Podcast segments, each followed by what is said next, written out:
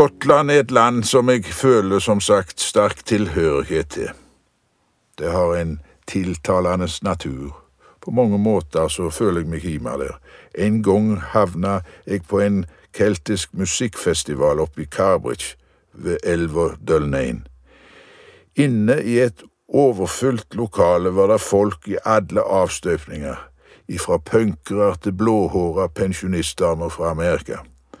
Når konserten var unnagjort, forentes de arm i arm med å synge sanger om historien deres, om massakren i Glencoe og These Are My Mountains, hendelser langt tilbake i tid, men den felles kulturbakgrunnen satt djupt i de, de hadde en sterk forankring i sin egen historie gjennom sangen. Det er den Nygård og Loffen og Oddvar Andreassen har gitt oss i stort monn. Et menneske kan gjøre en forskjell, og da kan en vise blant annet til det som skjedde her. En gang var jeg ute på Olympic Peninsula i Jamestown, som ligger vest i staten Washington, hos en indianerstamme som heter Skalalam. Treiben var som mange andre langt nede på grunn av rus og fattigdom. Ei lita indianerdame med bein i nesen og gode ideer hadde foret til Seattle og reist kapital til å bygge et kultur-, helse- og sosialsenter som skulle inneholde mange aktiviteter som bibliotek, helsesenter, tannlege og et totamsverksted og rådsal. I rådsalen var det et bord som slyngte seg som en orm i sal. Perlemor var nedfelt i bordet som øyne. De skimte i alle regnbuens farger. Det var som noen så på deg. Her var det ikke lett å slå av en bløff.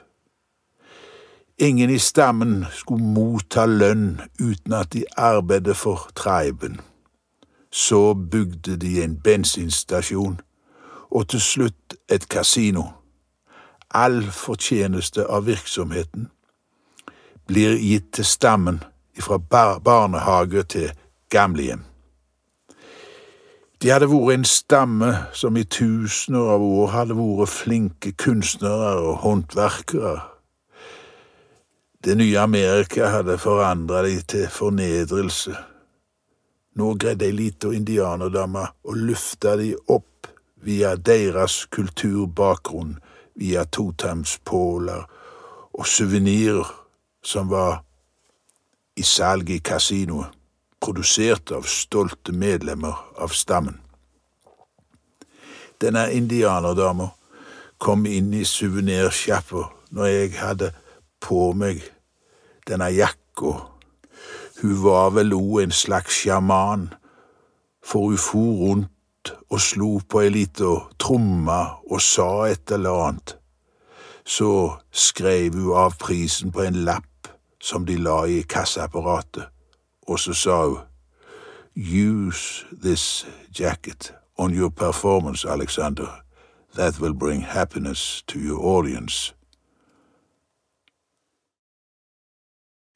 Karmøyruta. Siden jeg var ganske liten, kan jeg huske det har gått. Ei gråblå Karmøyrute som tar opp i stort og smått. Fra Haugesund til Skudenes humpa hun seg frem. Har du nok av ti og tolv, må kan du trygt ta den. Vi rusla ifra Flåttmyr et kvart over ni. Rekna med å være i Skudenes om en åtte timers tid. På strekningen til Bruna var det nesten ikke stopp.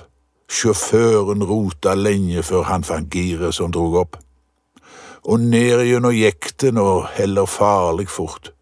Sjåføren, stakkar, så ikke for ei gysla sildalukt. Det var på den tida det var mange sildoljefabrikker i Sunde. Tolv stykker var det på det meste. I Møllesvinget lå vi på tohjulig fri, og på Kolstesletta lå vi jevnt i 40. Skeisvoll kom med blinklys, men vi slepte han ikke forbi. I Kobbervik der sto vi en time og to, for noen skulle handle og andre på do. Men med ett så starta bussen, vi var ti minutt for sein. Ei okra kone kom ikke med, så hun la seg ned og grein. Nedtrykt i tasker og esker og sko, med unger skrik og kjerringnål, med videre for.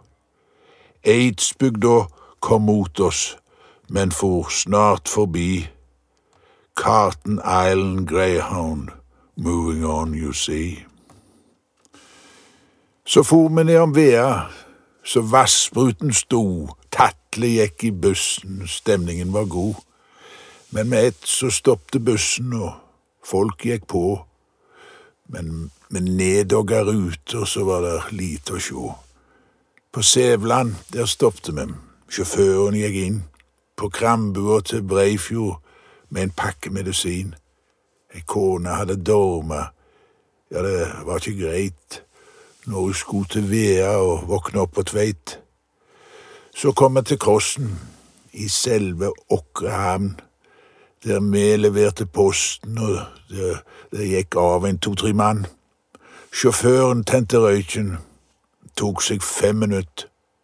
Du kunne høre sladder, for det var stilt og lytt.